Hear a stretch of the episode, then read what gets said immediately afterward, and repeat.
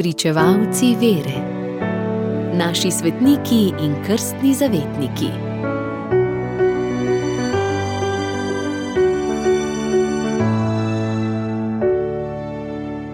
Danes zgoduje sveti Julij I., papež iz 4. stoletja.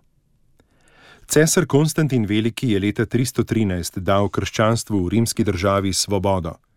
Sam se je sicer dal krstiti šele tik pred smrtjo, vendar je cerkev spoštoval. Rimski škof in papež je bil tedaj Silvestr I., ki je imel velike težave z arijansko zmoto. Ari, duhovnik iz Aleksandrije, je namreč učil, da se Kristus ni rodil kot Bog, temveč le kot človek.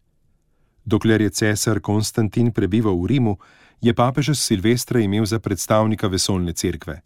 Ko pa se je leta 330 preselil v Konstantinopel, Carigrad, in je dal to mesto blagosloviti kot novi Rim, si je cesar izbral druge svetovalce in se na papeža ni več oziral.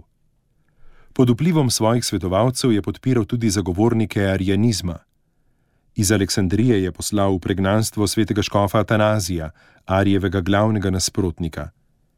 Cesar Konstantin je umrl leta 337 in isto leto je Petrov sedež v Rimu zasedel papež Julij I., ki je bil po rodu Rimljan in tudi po duhu je bil močan predstavnik krščanskega Rima. Ob njegovem nastopu je ves krščanski svet pričakoval, kaj bo odločil glede arijanstva, ki je bilo obsojeno na cerkvenem zboru v Niceji leta 325, vendar se je še kar naprej širilo. V Rim so pisali od treh strani.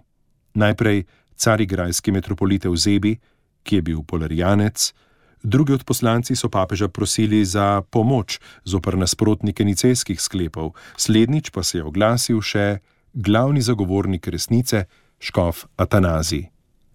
Papež Juli se je z vso odločnostjo postavil na njegovo stran v obrambo resnice, ki jo je razglasil nicejski koncil. Da bi dal močnejšo oporo vzhodnim škofom, jih je leta 340 povabil na sinodo v Rim.